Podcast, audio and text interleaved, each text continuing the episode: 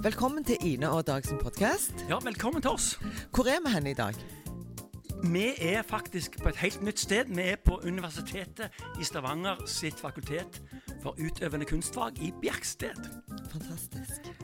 Hvor jeg nå har begynt å studere. Ja, Gratulerer som studentdag. Ja, det er flott. Vi sitter i et veldig flott rom.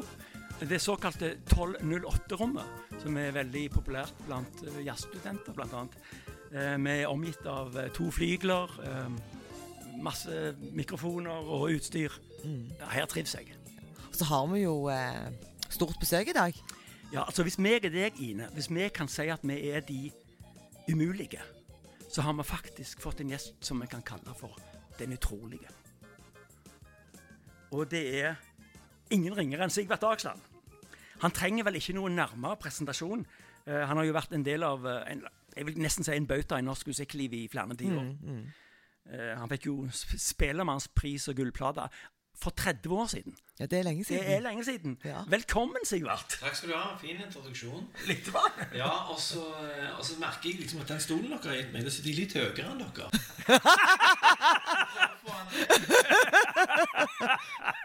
Du vil ned på vårt nivå. Ja, jeg er er for lengst. Jeg er på deres nivå for lengst. Jeg driter i det. Det går helt fint. Nei, men tusen takk. Det, jeg òg trives i sånne rom. Det minner meg om studio. Og så liker jeg gode flygler. Ja. Så liker jeg å prate om eh, ja, litt rundt omkring. Vi skal vel prate litt om musikk. Jeg vet ikke hva vi skal prate om. Det var spennende. det. Eh, altså, ja. Det, det blir, vi får se hva som skjer. Ja. Eh, eh, hvordan går det med deg, først og fremst? Du var jo utsatt for ei, ei ulykke i 2018. Eh, Og jeg ble jo livredd når jeg leste disse overskriftene. Men hvordan har du det nå? Nå er det helt topp. Altså Det som jeg har av problemer i kroppen, er gamle gjester fordi jeg hadde, har hatt leddgikt Så det er bare et kne som ikke bøyer seg helt særlig, det da. Det, men alt det som skjedde i ulykken, som jo var helt vilt, det, er- det er rett og slett leger. Tok to år. Fikk tilbake kreftene skikkelig etter to år. Jeg hadde hele veien samtale med kirurgen og så spurte jeg liksom, kan jeg gjøre det, og kan jeg gjøre det, og så videre. Så de var veldig sånn Jeg husker vi spurte om å være i Skavlan eh, i april. Dette skjedde i januar. Da lå jeg på sykehuset ennå. Så sa de liksom at det må du ikke gjøre, for at det kommer du til å synes er helt forferdelig. Men så fikk jeg beskjed om at i juni så kan du ha konsert, og da hadde jeg eh, to konserter i to byer samme dag. Og da tenkte jeg jo etterpå hva jeg holder på med. Men jeg tror at hvis, i og med at jeg hadde deres godkjenning, så var det at jeg pusha meg sjøl, var bra i forhold til helbredelsesprosessen. Mm. For da, da var det så, så, eh, så jeg tror jeg har vært en ganske god pasient, flink pasient. Og jeg har hatt mye vilje. Du sa eh, i et intervju med NRK tror jeg det var at eh, jeg har opplevd solsiden av norske helsevesenet. Ja. Kan du si litt om Hva legger du i det? Jeg har aldri opplevd noe annet enn solsiden i norske helsevesenet. Altså, Sol hele veien? Ja, for å si det sånn du, sier det at jeg sitter der og jeg, jeg kan selvfølgelig ikke bevege meg. Jeg ser liksom bare eh, glimt. De sitter her oppe i frontruden og er jo knust. Og da kommer bare folk som tar det derfra. Gir deg eh, noe fra Elvis-posen, som Kenneth Sivertsen kalte det. Um, du får ketamin og, og sånt. Og, og, og så er det inn på sykehus og opererte 16 timer totalt. sant? Og så er de bare så vennlige og så greie og dyktige. Altså, det kommer eh, Jeg må si bare altså, Rehabilitering òg, hvor fine mennesker det er, og hvor mm, høy kvalitet de har. Så jeg var bare um, Jeg var bare Det er helt fantastisk å bli behandla sånn. Det var så digg at faktisk på den nye bladet så har jeg to korlåter. Og den ene har Karoline skrevet, den andre har jeg skrevet. Og det heter 'Vi bærer deg'. Er koral, altså. Vi bærer deg, vi bærer deg, vi bærer deg. Eh, eh, når du har mista det meste, og alt rundt deg er mørkt. Lytt til denne sangen, kjenn vi bærer deg. Sant? Og det eh, Jeg tenker veldig på de. Men det kan jo være andre. Men ikke sant? det er noe med, med følelsen når du ikke kan noe sjøl. Eh, at når du at må at Hvis det kommer noen og sier akkurat nå tar vi det, for dette klarer du ikke. Så nå tar vi det herfra. Den følelsen, Akkurat den følelsen har jeg hatt. når jeg jeg leste det sitatet, så tenkte jeg litt på kona mi. Hun fra USA, og hun fikk brystkreft. Mm. Og etter en del behandlinger, og cellegift og det ene med det andre, så sa hun vet du hva, nå forstår jeg hva du mener med det norske helsevesenet. For det er ingen som har spurt oss om penger ennå. Og det er ingen som har spurt om dekning og coverage. og Nei. Det er fantastisk. Ja, ja. Vi er, vi er jo heldige her i Norge. Og, jeg- og jeg tenker òg eh, Vi skal jo ikke diskutere politikk, men, men jeg tenker òg Nå var det jo valg på, på mandag. Var du fornøyd? Litt litt? Ja, ja jeg har Litt lenge på dette. Jeg har tenkt, eh, jeg har tenkt at uh, Gahr Støre er et anstendig menneske, og nå har han nå blitt herda gjennom motgang og motstand, så han kommer til å være en veldig eh, flott statsmann. Sannsynligvis en stor statsmann og en sånn helt grei opposisjonspolitiker. Tror jeg. Men jeg må bare spørre deg om en ting, Sigvart. Eh, du sier det at du har ingen eh, Fysisk så er du frisk fra, fra ulykken. Men klart, det å, å være Oppleve noe sånn, det må jo sikkert være noe av det verste et menneske kan oppleve. Eh, har du klart òg på en måte I hodet, ikke sant? Altså kroppsfølelsene. Ja, eh, det har jeg. Men Ja. altså det eh, Det kom en Bård Harald Svart, en nevrolog, og han kom innom på intensiven, for Harald ringte han bare og så sa han jeg må bare vite, Er det Sigvart ennå, liksom? sånn, For du vet jo ikke hvor knust jeg er. Så kom han innom eh, på Ullevål. Det var etter to dager da jeg var på intensiven. Og så sa, spurte han hvordan det gikk, og så sa, så sa han Eh, jeg har sett på det. Dette er, altså det, det er snekkerarbeid. Og så kommer det til å bli helt bra.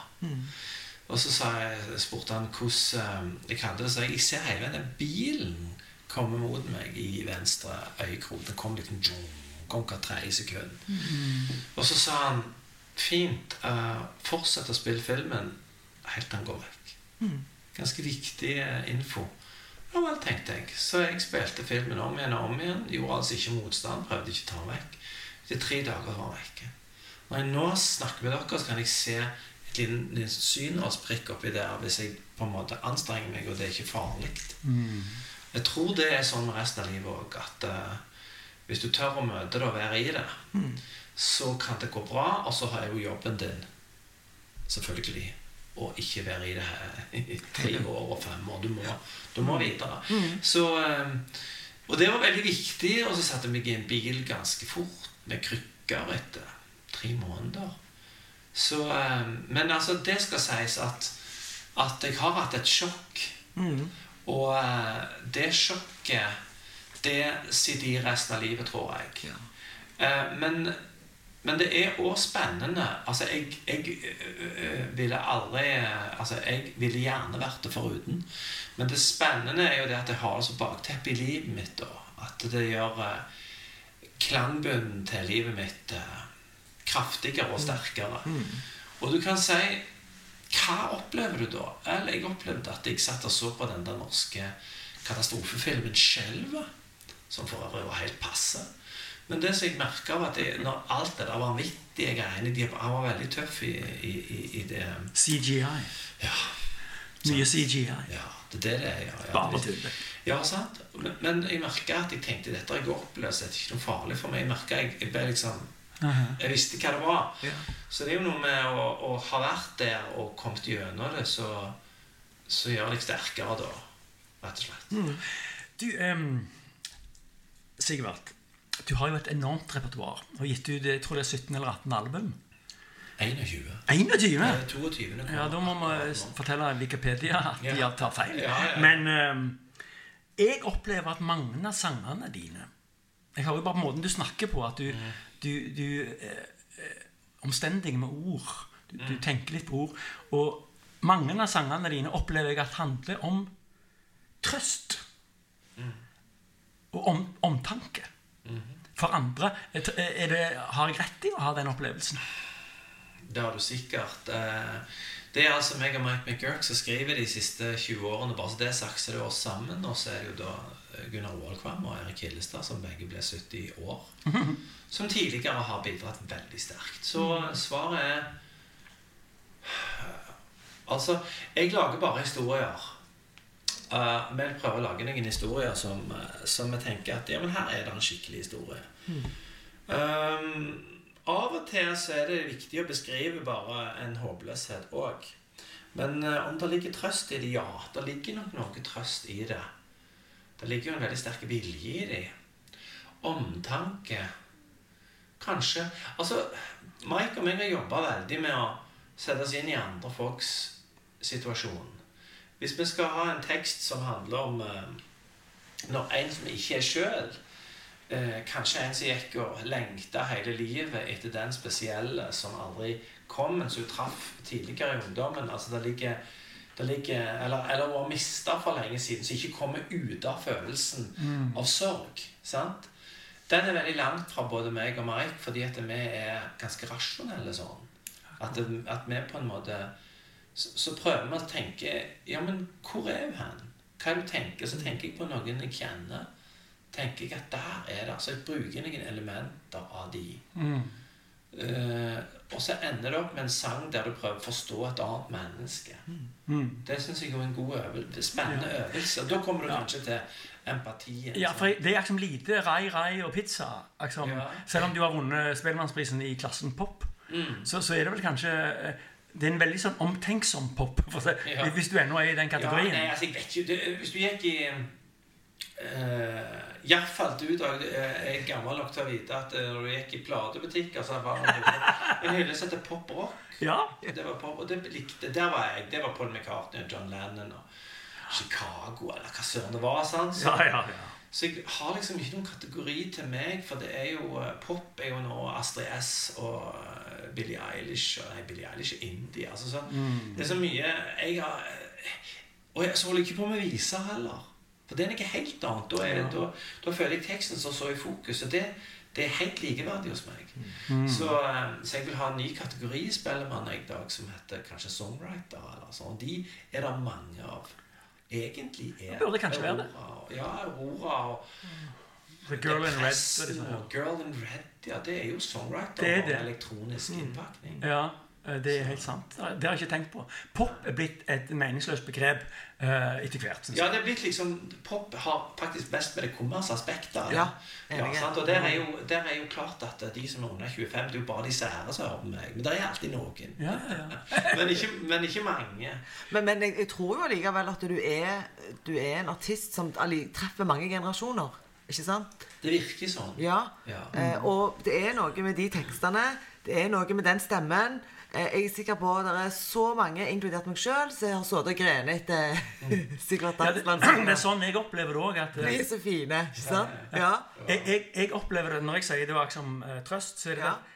Når jeg hører det, så, så får jeg, faller jeg litt til ro. Eh, og jeg vet jo at det blir brukt i begravelser. Ja. Altså Alt jeg så, Ja. er jo kommet helt inn i begravelsesrepertoaret. Så, så det da, da er det noe sånn Men, men hva hvor, Dette er jo helt sikkert sånn Å, herregud, får jeg det spørsmålet igjen? Men hvordan går du fram når du skriver en sang? Altså, eh, Går det fort? Går det seint? Er det Det går enormt fort når det skjer. Altså kan Ja. det gå et halvt år mellom hver gang det skjer. Men det gjør ikke det som regel. Ja. Altså, når jeg er i modus for å skrive låter, så uh, jeg skriver jeg annerledes nå enn jeg gjorde når jeg var ung. Da jeg var ung, så satt jeg gjerne ved flygelet og bare spilte, og så gjorde jeg noen feil, og så ble det spennende. Men, Mm. men nå Jeg mediterer mye. Så når jeg har eh, da, da har jeg liksom rensa kroppen for alle de der tingene som jeg ikke skal konsentrere meg om. Da. Og da kan det plutselig komme en idé. Kan det komme sånn tanke om eh, en, en strofe og en tekstidé. Og når jeg får det, så prøver jeg å skrive det ferdig og bare synge det inn på iPhone tidligst mulig. Ja. Og ikke sette meg ved pianoet. Akkurat. Eh, Så da har jeg Hvis det er bra nok, så setter jeg meg ned og finner litt korder etterpå. eh, når han er skrevet ferdig. Og så eh, snakker jeg med Karoline. For Karoline er min viktigste kritiker. Hun er enormt smart òg. Så hun, hun er jo med og skriver med Mike og meg som, som tredjemann. Ja. Um, hvis vi er enige om at her er det noe, så går han til, går han, blir han eh, oppgradert til kjelleren. Da lager en liten, liten, enkel demo. Ikke låse noe, bare piano. En liten prototype. ja. Ikke, ikke låse det for, for det der kommer mye flinkere folk enn meg inn i bildet. Og så er det da Mike og meg som skal lage teksten. Men arrangementet det holder Det ventes med helt til slutt, kanskje. Som den Ja. innpakningen. Noen ganger er det noen linjer som er så åpenbare at de bare beholder med. Men så går jeg til Ja, sant? Så det skjer uten et instrument. Med en, det må være en tekstfrase, for hvis ikke så har vi ikke noe sted å hekte det på. Og man sitter, sett Mike og meg, at når vi skal finne opp teksten fra starten av, så syns jeg vi er litt intetsigende. Vi er enige nå om at det må stå noe på spill. Altså, Sånn er det med en god film, det er sånn med en god bok, serie, hva det enn er. Det må stå noe på spill. Altså, hva er det Hva risikerer hovedpersonene eller hovedpersonen her? I uh, 'Elefanten i rommet' så er det jo to stykk som som da er, altså Tittelmelodien på en ny plate, så er det jo to som ikke snakker sammen. Altså De omgår det store problemet. Det er et par, åpenbart. Og, eh, og det er jo egentlig eh, noe de ikke tør å stikke hull på, men som altså gjør at de ikke snakker sammen skikkelig. Bare overfladisk har en våpenhvile. Så da er det jo, det er jo dramatisk nok. Ja. Og i, eh, i andre låser så, så at Vi prøver å la det være noe på spill, og det må vi Klarer vi ikke det, så har vi ikke en god låt. Det er en veldig fin video, faktisk, den uh, Elefanten i rommet-videoen. Ja, så. Når du sier at du må ha en, en setning eller en hook Mm. Og jeg tenker på eksempel eh, Nå velger jeg bare helt tilfeldigvis en sang som 'Here Comes the Sun'. Ja. Hva synger han om ellers? Altså, det er den setningen som bærer hele greia. Og den åpenbaringen at nå kommer sola. Han bryter igjennom. Eh, og og Er det, det George Harrison det. det er nok det. Ja. Det er nok det. Og derfor jeg tenkte, jeg tenkte kanskje for Jeg har vel en liten opplevelse at du har et visst forhold til han. Ja. Hans spiritualitet særlig. Ja visst. Ja, visst. jeg, jeg ser på meg selv som spirituelt menneske. Og, Han var jo den av er Beatles som var det. Han var det, ikke sant? De dro jo til Det er jo liksom sånn når de hadde erobre hele verden, hva gjør du da? Da prøver du å finne mening med livet, og så drar du til, drar du til India, ikke sant? Og, og eh, det var vel han som ble mest hekta da, den gjengen. Rinko var vel minst påvirkelig. Men- Mens Lennon liksom altså, øh, Ja, og det er noe med 'Here Comes the Sun'. Um, jeg hadde en veldig sterk opplevelse på, eh, på sykehuset, bare for å komme tilbake til det. Det var når eh, alt var mørkt. Så lå jeg i, eh, i, eh, på intensiven, og så sa Karoline plutselig at en venn av oss var i India. Og, eh, og hun eh, Helt mystisk hun hadde fått vite om at jeg var syk av en sånn indisk eh, vismann som hadde sagt at det er en venn av deg som har vært med, det går bra. Vært i Oi. Og så satt jeg i et tempel og tenkte på meg. Så slo jeg opp øynene, og så så jeg bare oransje og hvitt lys komme nedover veggene. Nei. Ja. Og så tenker jeg der er lyset tilbake. Var, det, var, det var ikke Elvis-posten da på ny, nei? Ja, ja. Dette skal vi ikke si for nøye, men at det var, var Elvis-ting inni bildet Det var litt- det var det, altså. Men det var ganske sterkt. Og Det høres veldig spennende ut. Og da tenker jeg litt sånn Tenkte jeg litt på Josh Harrison når du sa det. Men når du, du sier at du er litt sånn spirituell, du sier at du liker å meditere er, du, er du en tenker? Sitter du og tenker mye? Nei, Nei? jeg er ikke det. Eh, Jeg tror tenking er veldig oppskrytt. Eh, Jeg tror ikke det kommer så mye med det. Jeg tror mer på problemløsning og intuisjon. Ja? Så jeg tenker at eh, alt som kan komme til din egen intuisjon Jeg kan ikke tenke meg fram til en låt, jeg. Den må bare komme.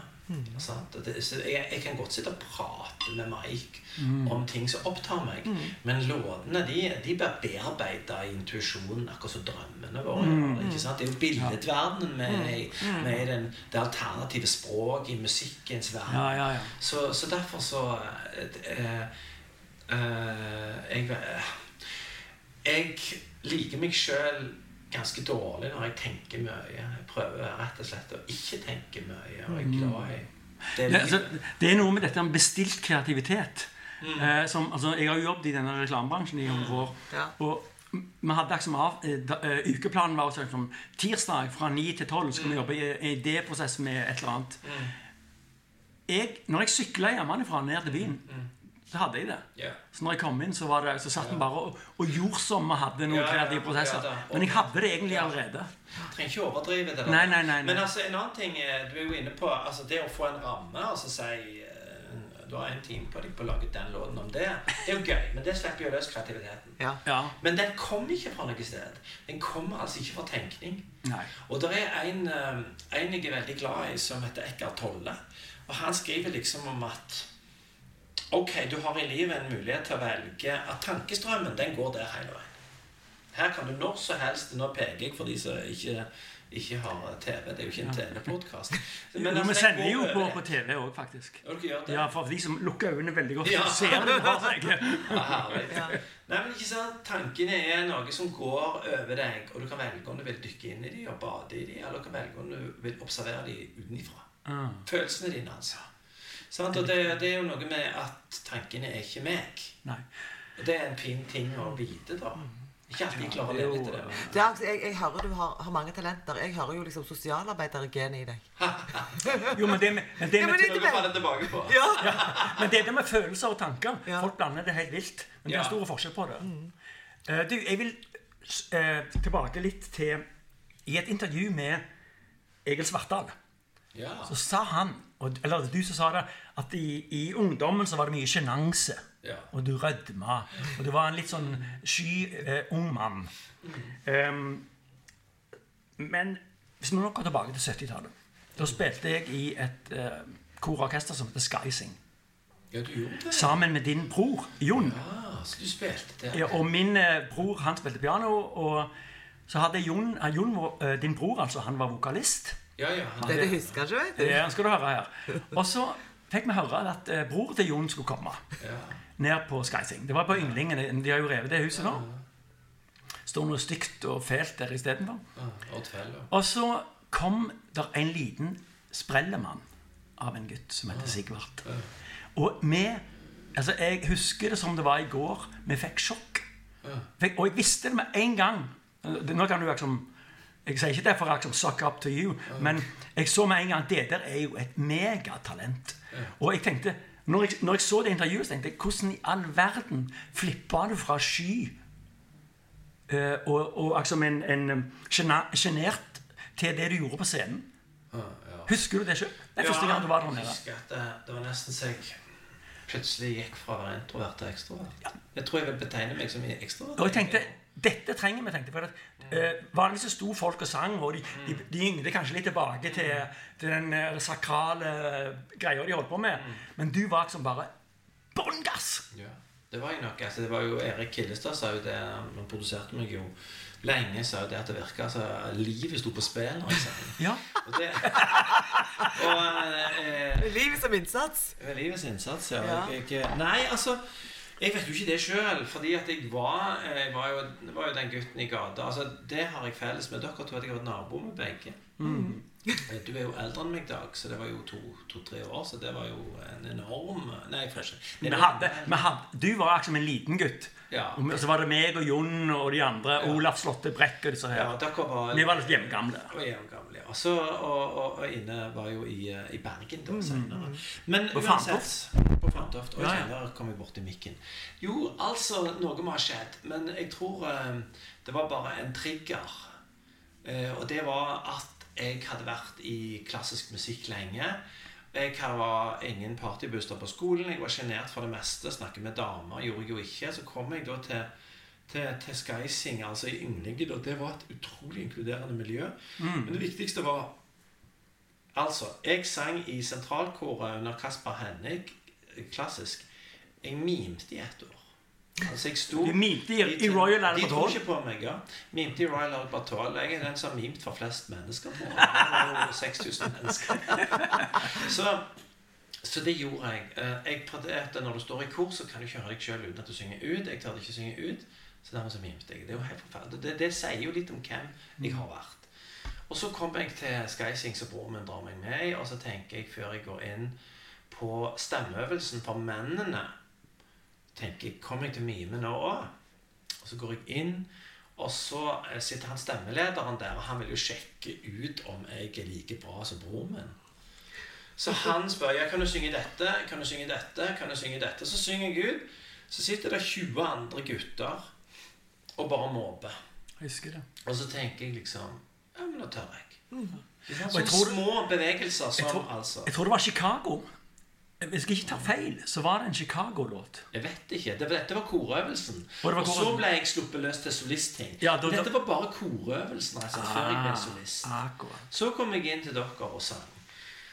Og fikk jo, fikk jo oppgaver. Så fikk jeg ansvar da. Men, men det, var, det var fra da det skjedde, altså.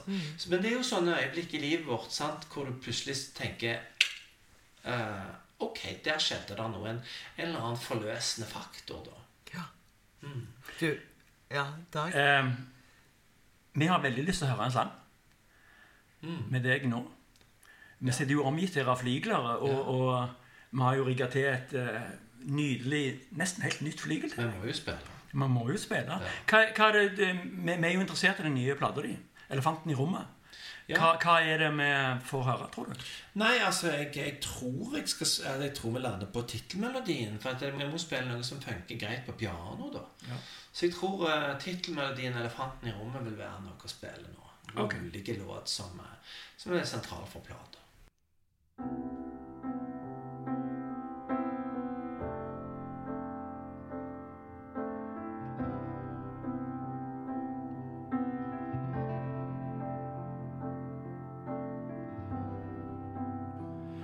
Jeg våkner opp helt av meg sjøl igjen. Og tanken vandrer seg sjøl igjen. Dagen er klar og blå.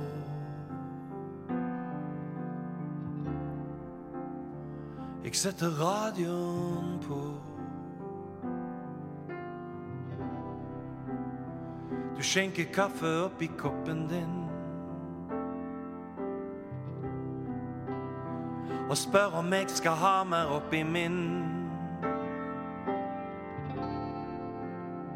Mens begge famler litt.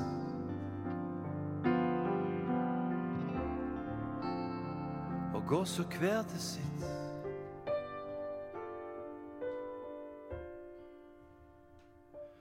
Kan du se meg? Vil du høre?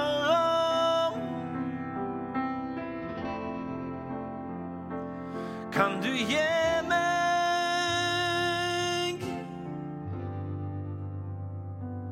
et tegn?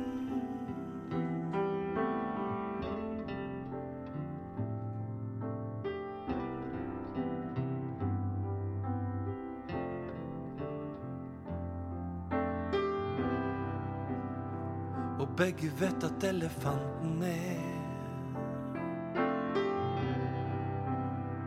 Der midt i rommet, men vil ikke se. Den flytter langsomt inn.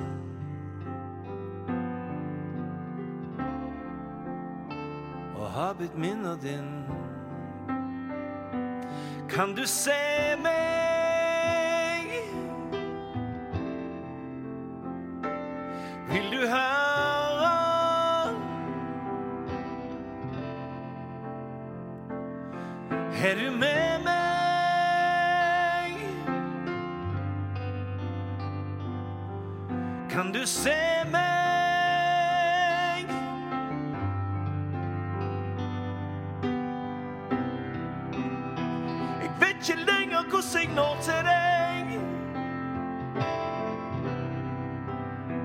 Hva kan jeg gjøre så du kan høre meg? Jeg trenger det nå. For mørket trenger seg på.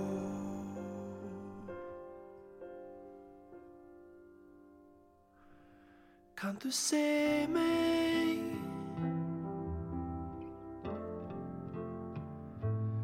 Vil du høre?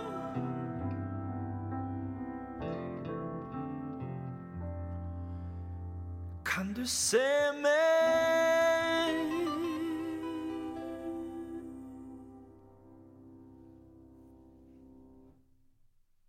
Tusen takk, Sigurd. Det var nydelig. Takk. Ja, det var helt flott. Ja. Du, Elefanten i rommet, det handler jo om det du ikke tør å si. Ja.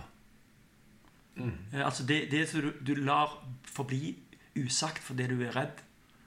Eller at det kan være risikabelt for deg å si noe. Ja, det er jo altså eh, Elefanten i rommet er jo eh, noe som setter preg på hele rommet, men, du, men ingen snakker om det. Det er jo et fantastisk begrep. ja. Um, Ja. Denne kommer jo bare med Altså, det er jo, det er jo en veldig kontrast i de to. Sant? Verset er liksom hvordan du har det helt vanlig, og sånn, og så plutselig kommer refrenget som et rop. Mm. Jeg skal kanskje ikke overforklare han for mye, men jeg er veldig glad i han. Stolt av han. Ja. For jeg tror jo òg at, at selv om du har et budskap eh, og en tekst, så kan òg folk på en måte tolke det litt annerledes og legge i det det de sjøl vil.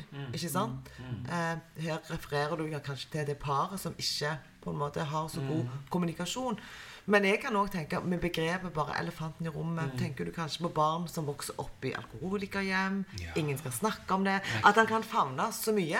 Og det er det som er så fint. Ja, ja, sant? Og det er derfor jeg skal være forsiktig med Ja. hva jeg prater om det med. Både meg og Mike er litt obs på det. Ja. Det, var, det var en ganske sterk historie. Jeg husker når jeg satt på Caledonien. I baren der, midt på dagen, sammen med Erik Hillestad, som altså setter planer. Nå kom det en fyr inn, så så han oss. Det var bare oss der. Så spilte han da 'Barna forsvant', altså åpningen fra De umulige plater. Og den handler egentlig om, eh, om eh, Edens hage, altså syndefallen, og på en måte Gud og menneske etter myten da skilte lag. Eh, og så eh, kom han bort til oss og fortalte han at han hadde da mista barna sine på sjøen. To barn. Og så skjønte jeg plutselig at det var det han tenkte med den. Da barna forsvant, tenkte han. På en helt annen måte. En far sto og gråt over alt han hadde tapt. Så plutselig skjønner du Herman, dette er jo midt i, i hans liv. Det er hans.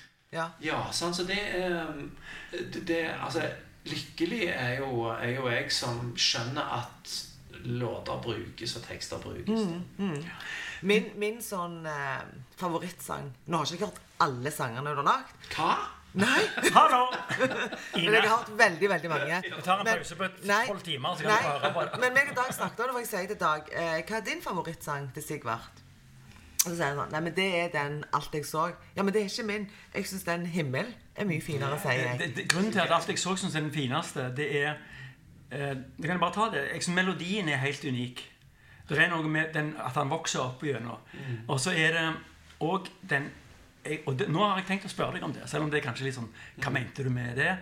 det er alt jeg så, så jeg sammen med deg. Hvem er dette deg? Hvem, hvem synger du? Ja, altså, Får jeg lov å spørre om det? ja, ja, ja, ja. Dette er en veldig konkret sang.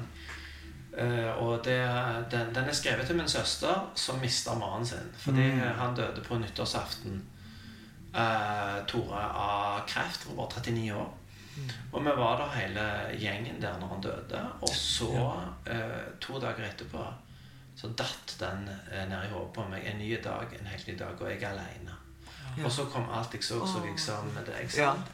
Og da, da på en måte, ja, sant? Så, så eh, ga jeg den til Erik. Og så eh, skrev han den eh, ferdig, da. Så tenk, men før det så hadde jeg bare de linjene, og så tenkte jeg dette er jo voldsomme greier. På den tiden så var jeg jo sånn litt skrekkslagen over ansvaret. Og så, og så tenkte jeg Ok, jeg får spille for søsteren min, da.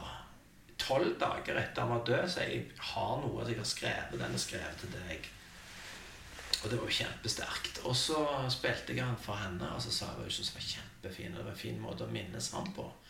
Så da skjønte jeg at Ok. Da skjønte jeg at uh, dette kan vi gjøre. Så det eh, har jeg jo snakket om på konserter for lenge, lenge siden. Men den er veldig fin at han får leve uten det, for han handler jo om Men det var altså årsaken til han ble skrevet. Og så handler han jo generelt om savn. Ja. Og det kan jo være så mye. Du kan jo ta, den kan jo ta og Du kan jo legge deg sjøl inn i, i den teksten. Og, og, og, og Ja. tolke den. Og det er jo det som kanskje er litt ufint med å spørre folk ke- spørsmål. Nei, det er ikke fint i det hele Men, det er spennende. Det, eh, jeg. ja, men jeg har bare vært veldig nysgjerrig på det. For jeg trodde kanskje at det hadde noe med religion å gjøre. Ja. Eh, At, at det kunne være deg, altså for eksempel eh, ja, en, en gudsfigur. Ja, ja, eller et eller annet. Ja. Gud, det er så mye rart der. Eh, ikke for deg, men altså sånn Folk som har spurt meg hvorfor kan ikke si du synger om Gud. Ja, men jeg synger ikke om Gud. Altså, det sånn, eller, eller litt sånn Eller litt sånn der Presten som kom inn i skoleklassen, så sa han liksom Ja vel, unger. Han skulle være litt hipp og litt hjemme. Så sa han liksom at ja, vet du hva, hva som er brunt og er i skogen og hopper fra tre til tre? Så sier en av guttene ja, vanligvis ville jeg tenkt at det var et ekorn, men siden det er deg, så tipper jeg det er Jesus. Og eh, på den tida så, så hadde jeg jo tekster om eh, Skrevet av Erik særlig om kirka. Og, og, og det var jo òg kritiske tekster. For det meste så var det noen liksom litt mer innafor. Så jeg skjønner spørsmålet, men eh, men, eh, men nei da, den, den har ikke Hvis den har noe med Gud å gjøre, så har, jeg gått glipp av det. Men, altså, Men, men, men, det, men, men dette er jo den første plata di faktisk siden det, denne ulykken. ja, det, Ehm, jeg har hørt uh, via via fra studiofolk Via, via. ja, det, Vi har alltid litt sånn research. Det er at du er en eh, utrolig profesjonell person i studio. Veldig godt forberedt, og det sitter veldig sånn bang. Eh, og det er ikke mye sånn mikking eh, og, og, Altså, du vet hvordan det skal være med en gang. Eh, hva sier du om den omtalen? Er det, stemmer det? Nei, altså Både ja og nei. For det jeg, eh, jeg er jo opptatt av um, Altså Jeg sier ikke hvordan det skal låte til folk. Jeg velger de beste folka som jeg kan tenke meg. Produsenten er jo dødsviktige. Altså, Hva Torjus har gjort på denne plata, er jo, det er jo helt eh, enormt viktig. Det er helt vesentlig. Og de musikerne jeg har valgt, er jo sin generasjons fremste, som jeg ser på de. Du som gitarist er Øyvind Blomstrøm som spiller gitar, og han er jo liksom eh, Han har gjort liksom duokonserter med Monica Heldal, han har spilt med Bare Egil, han er jo, og så er han jo et musikkleksikon. Så jeg tenker det å velge de er det viktigste jeg gjør, så jeg må ikke legge føringer for de, men jeg sier noe om retning eh, til de. Eh, og så er det jo sånn at hvis du bare går trinnene, så blir det ganske tøft. Når og, når, jeg nevnte jo at jeg gikk eh, Når låten var ferdig, så fikk Torjus og meg. Da kommer Torjus med et forslag, og han har som regel veldig stilige arvting. Og da spiller vi det inn. Og tanken er hele veien hvis det er bra for låten, så beholder vi det. Hvis det er dårlig for låten, så tar vi det vekk. Og det er det i studio. Når vi da treffer musikerne i studio, så spiller vi det. Og da er det klart at, eh, at hvis, en, eh, hvis det er bra, så tar de tak i det. Så det men- det jeg er opptatt av, er at det må stemme til minste detalj. Men jeg er ikke opptatt av detaljene, hvis dere skjønner. Det er litt som min venn, eh, forfattervenn, som ser eh, bøkene i farger. Altså han, han den, er, den er grønn, den boken han nå skal skrive, med et gult kapittel. Så han har en sånn måte som gjør at han organiserer sånn at det røde og det fiolette skal ikke inn i den boka. Og litt sånn har jeg det med musikk at jeg hører det er noe som skurrer. Hva er det? Så må vi finne hva det er som skurrer. Men hele veien er den store fortellingen i fokus. Men jeg tror jo at når man lager musikk, så vil du høre eh, ting som andre ikke hører, som andre ville synes var helt kjempefint. Men fordi at man på en måte Man har en slags standard, man har noen krav. Man liker at det skal være kvalitet fra A til Å. Ikke sant? Så hvis du hadde spilt en sang for meg var den fin, Ine? Så hadde jeg å ja, den var kjempefin. Men så ville du Men her er det noe, her er det noe ja. som andre ikke hører. For man er på en måte veldig kritisk sjøl. Og da er det òg godt å ha med seg, sånn som du sier, at Karoline hun er liksom din fremste kritiker og medhjelper, sikkert. ikke sant? Som, hun vet det? ja, For der du gjerne liksom tenker Nei, men dette er ikke bra nok. Jo, men dette er bra nok. Nå må du være fornøyd. Ja. Det, er altså, jeg, jeg, eh, jeg tenker jo bare at i skikkelig samarbeid Ja. Sånn som både Mike og meg, Karoline, det er at alle må være enige. Det høres så enkelt ut, men bare tenk sjøl. Hvis det betyr at jeg kan ikke si med meg og Mike si, men jeg syns det er fint Når vi har snakket, altså, Hvis ikke begge er enige, så må vi rygge ut. Så må vi bare finne noe annet. Og det er en spennende øvelse.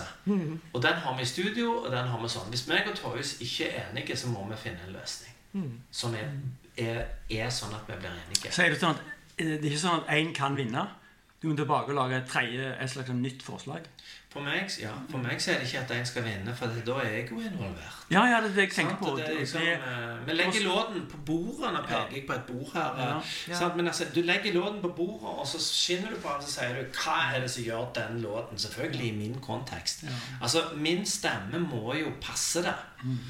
Eh, så det er liksom tanken vår. Og det er en utrolig skjønn prosess. Kjempeskjønn. jeg opplever at når, når, det er en som skal vinne, altså i kreative prosesser, så kan det være at han eh, eller hun får det kjekt, men du gjør noe med de andre. Ja. Og hvis det skjer for ofte, eh, så, så slutter det å funke, hele samarbeidet. Det vet jo du som jobber i reklame. Ja, det, det, det er det jeg tenker på. Ja. Altså, det er bare måten å bare måten vi eh, Bare måten vi sier til hverandre eh, hva vi syns om den ideen, Ja. det er utrolig viktig. Og hvordan en jeg jeg, å eh, det, det det de andre kommer med. Kjempeviktig. Two blessings and a wish. Ja, ja, ja. Alltid liksom Si først det positive, og så kan du trekke hvor det kanskje skal være. Jeg liker ikke å gå rundt grøten heller. Hater når folk har skjult agenda når de skal snakke med hverandre. sant? Hvis jeg skal manipulere, jeg lukter det så på lang vei, og da tenker jeg her skal ikke jeg være. Men, men, eh, men det, er så, det er så viktig. Og så er det noe med Det er altså jeg har vært der at jeg plutselig la si, Når jeg hadde, skulle skrive tekstene sjøl og var ferdig hos Kulturverkstedet og skulle jobbe med Gulleif V, som jo gjorde to kjempefine plater, da husker jeg at jeg var litt sånn at nå må jeg markere meg. altså, jeg har vært for snill fordi jeg hadde jobb med noen musikere som var litt, litt kalne òg. og da hadde jeg en periode der jeg uh, var for tydelig, rett og slett. Ja. Uh, Så da hadde jeg nok ikke kunnet si det jeg sier nå. Og da kunne jeg trumfe gjennom ting. Men da var egoet mitt for mye inne i bildet. Eh, Og det merker jeg nå at det er lagt vekk. Mye mer. Eller det er lagt vekk. Så, eh, så jeg har vært andre steder da. Og det blir, det blir bedre musikk av det, syns jeg, når jeg legger det vekk. Det tror jeg òg på. Men du, det er så løgn når vi sitter her og snakker, så føler jeg det at det liksom Altså vi som er fra Stavanger det, det er liksom noe sånn eget med Stavanger-folk. Ja, alltid det. Ja, men det, Ja, men- er, noe, ja, men det ja. er noe med liksom stemningen, det er noe med ord og uttrykk vi bruker. Og da tenker jeg, vil jeg tilbake til det du synger på dialekt. Og det er så herlig. Og det er helt bevisst. Ja, eh, Hvis jeg kan få lov, før eh, Sigvart responderer på det Ja. eh, Vi har jo snakket om at Jeg har merket fra jeg var liten at Stavanger skal godt for å bli en skam på eh, NRK til å bli noe som er ganske kult. Ja. Og, og, og det er mange som har fått litt sånn æren for det. Og, og du har liksom Stavanger-ensemble. og. Men jeg tror faktisk at du, Sigvart, har gjort veldig mye for å, å få ut Stavanger-dialekten. Ja, det er jo fantastisk. Er du enig i det? Nei, jeg kan ikke være enig. Respons. det jeg kan si, det jeg kan si er det at uh, jeg sang på østlandsk i 1980 når Bjørn Eidsvåg satt på første benk, og vi øvde med Skysing. Det var ganske svært, for jeg hadde hørt bakerste benk med Bjørn. Det var deilig å høre på han. Han visste ikke om han var innenfor kirka og utenfor kirka. Han kritiserte, han trodde det var vanskelig å finne ut dette, men det var spennende. Han var en hippie, vet du. Og så satt han der, så sang jeg eh, på østlandsk, for det gjorde vi i Stavanger. Eh, Tror du at det er og sånn, så, så bare Herren er her. ja. Og så, eh, og så satt han bare sånn satt han der med de korsene som bøndene alltid sitter, og så sa han Hvorfor synger du på østlandsk? Ja. Og så kunne jeg ikke svare. Jeg ble flau, for det ble jeg på den tiden. Og så tenkte jeg at han har jo helt rett. Historien er jo at han sang på østlandsk på sin første plate, 'Innenfor landing'. Eh, og så kom Stavanger-ensemblet med 'Ta en sjanse'. Og eh, jeg tror at Stavanger-ensemblet har betydd mest for Stavanger-dialekten. Og så har det vært veldig bra at jeg har sunget på den, og Jan Ove har sunget på han. Og, og Morten har begynt å synge på har han òg. Og, og, og, og eh, det er supert. Altså, jeg føler jo Altså, eller jeg kjenner at stavangersken sitter i hele kroppen min. At det liksom er Selv om jeg har bodd i en annen by lenger enn i Stavanger, nemlig Bergen, så eh, kjenner jeg at den når meg helt ned til tærne. Og at jeg dermed er, er det jeg synger. Så det er, det er digg. Første gang jeg hørte du synge østlandsk, det, da sang du i Da var du background vocals for eh, Kjetil Stokkan. Ja. Romeo! Har du blitt en Romeo? Gudene skulle vite at du aldri ble en Romeo. Romeo, ja. Nei, jeg, jeg tror ikke det. Jeg tror ikke det. Det var gøy å synge i Grand Prix, altså. Fine, hvite dress og greier. Ja, Det var herlig. første gang jeg hadde gelé i håret, og jeg hadde koreograf Ja, det var jo mye sånn peking. Ja, det var Simen Sand, og vet jeg har jo Og så har du den der. Den jukkingen. Ja. Den var jo fin. Jeg grudde meg sånn. Jeg tenkte jeg kom til å velge, velge mikrofonstativer og alt. Og internasjonale finalen, og jeg, var, jeg grudde meg sånn til de trinnene, for at jeg, jeg hater trinn. Jeg ser meg sjøl utenfra når jeg danser hele veien, observerer meg sjøl. Det er ikke tingen for meg. Nei, det, Så det at det gikk bra, er jo et, et under, rett og slett. Det var, eh, så eh, Ja. Ja det var òg noe, altså. Gud, for en Ja, Vi har lagt en, vi lagde jo en liten, eh, jo en liten teaser for denne podkasten. Ja. Med klippet fra den finalen. Aha. Hvor vi har ringt deg inn, og så har vi fokusert litt på beinarbeidet. Ja. Løye. Herlig. Men du, kan vi få lov å be om en låt til? Ja, det er klart du kan. Kan jeg få spørre om Kan jeg få lov å komme med et ønske? Oi, ja, ja, altså Da må jeg bare si en ting først. Ja. Det, jeg må kunne den på piano. Heil igjen. Å ja. Ja, men jeg skal se om jeg klarer det endelig heil. Ja, endelig heil igjen, ja. ja, ja. Jeg skal prøve å spille den. Den, den, er- den syns jeg eh, Ja. har gjort Den har jeg så hørt på eh, siste uka. Ja. Og, og eh, ja, den er fin, en av de fineste. Der. ja. Kona mi spør hvorfor spiller du den hele veien. Ja. For jeg hadde den på en sånn liten eh, Jeg har en sånn liten Bluetooth-høyttaler som jeg sitter hjemme med.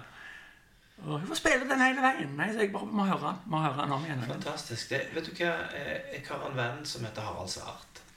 Og vi var på ferie sammen. Og han satt i én time og spilte den om igjen og om igjen. Ja, du blir hekta på den. Han går rett inn. Men det, jeg, jeg er veldig glad i den. Skal, jeg skal prøve å få han til. Ok, Men da, men da begynner vi å runde av, da. Ja. Ja. Eh, dette du hva, Dette var utrolig kjekt. Vi har jo prøvd å hatt kroken ute lenge for å få deg inn eh, og hale deg inn i denne podkasten. Og eh, jeg vil òg få lov å rette en takk til universitetet, som har latt få brukes lokalene. Og ikke minst til Mr. Jack McCauley, som er sound engineer i dag. Det er første gang vi har lyd, lydingeniør. Jack, what do you think? Sounds great. Did Fantastic. it sound good? Yes. Yeah. Okay, And very you good. understood everything we talked about? Yeah, absolutely. All right. Du, tusen takk for at du tok deg tid, og lykke til med når du slipper det nye albumet. Takk. Det er det mange som gleder seg til, tror jeg. Kom på fredag. Ja. på fredag. Ja. Og kjempekjekt å være her og prate med dere. Det var helt topp. Forfriskende og annerledes. Tusen takk for at du kom, Sigvart. Bare kjekt. Ok. Ha det godt. Ha det.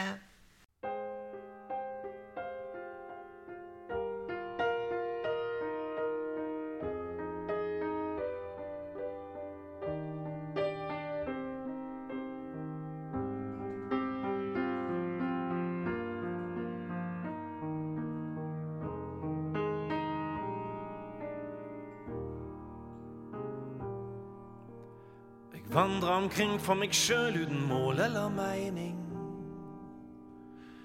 Nådeløs jakt etter det som skulle dempe et savn. Dager og år med en endeløs prøving og feiling.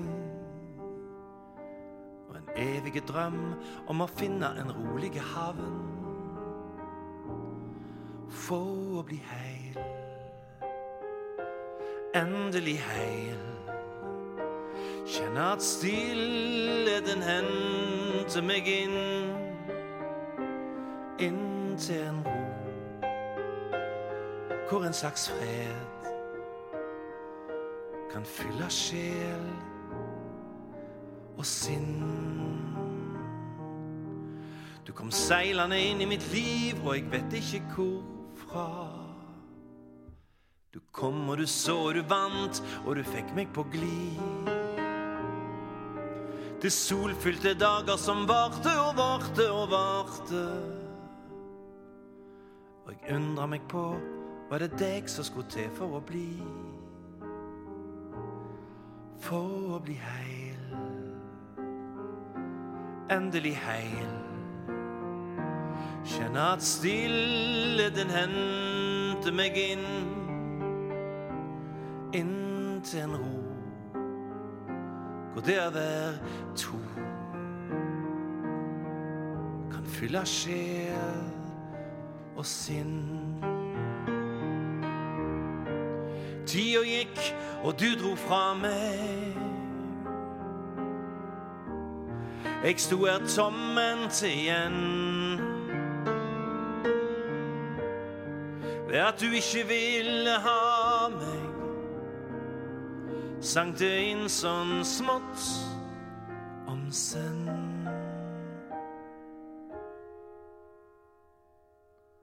Veien er steil, må det å bli heil. Når byen er mørklagt og folketom, men de famlende steg. Jeg tok sammen med deg. Var det nærmeste jeg kom.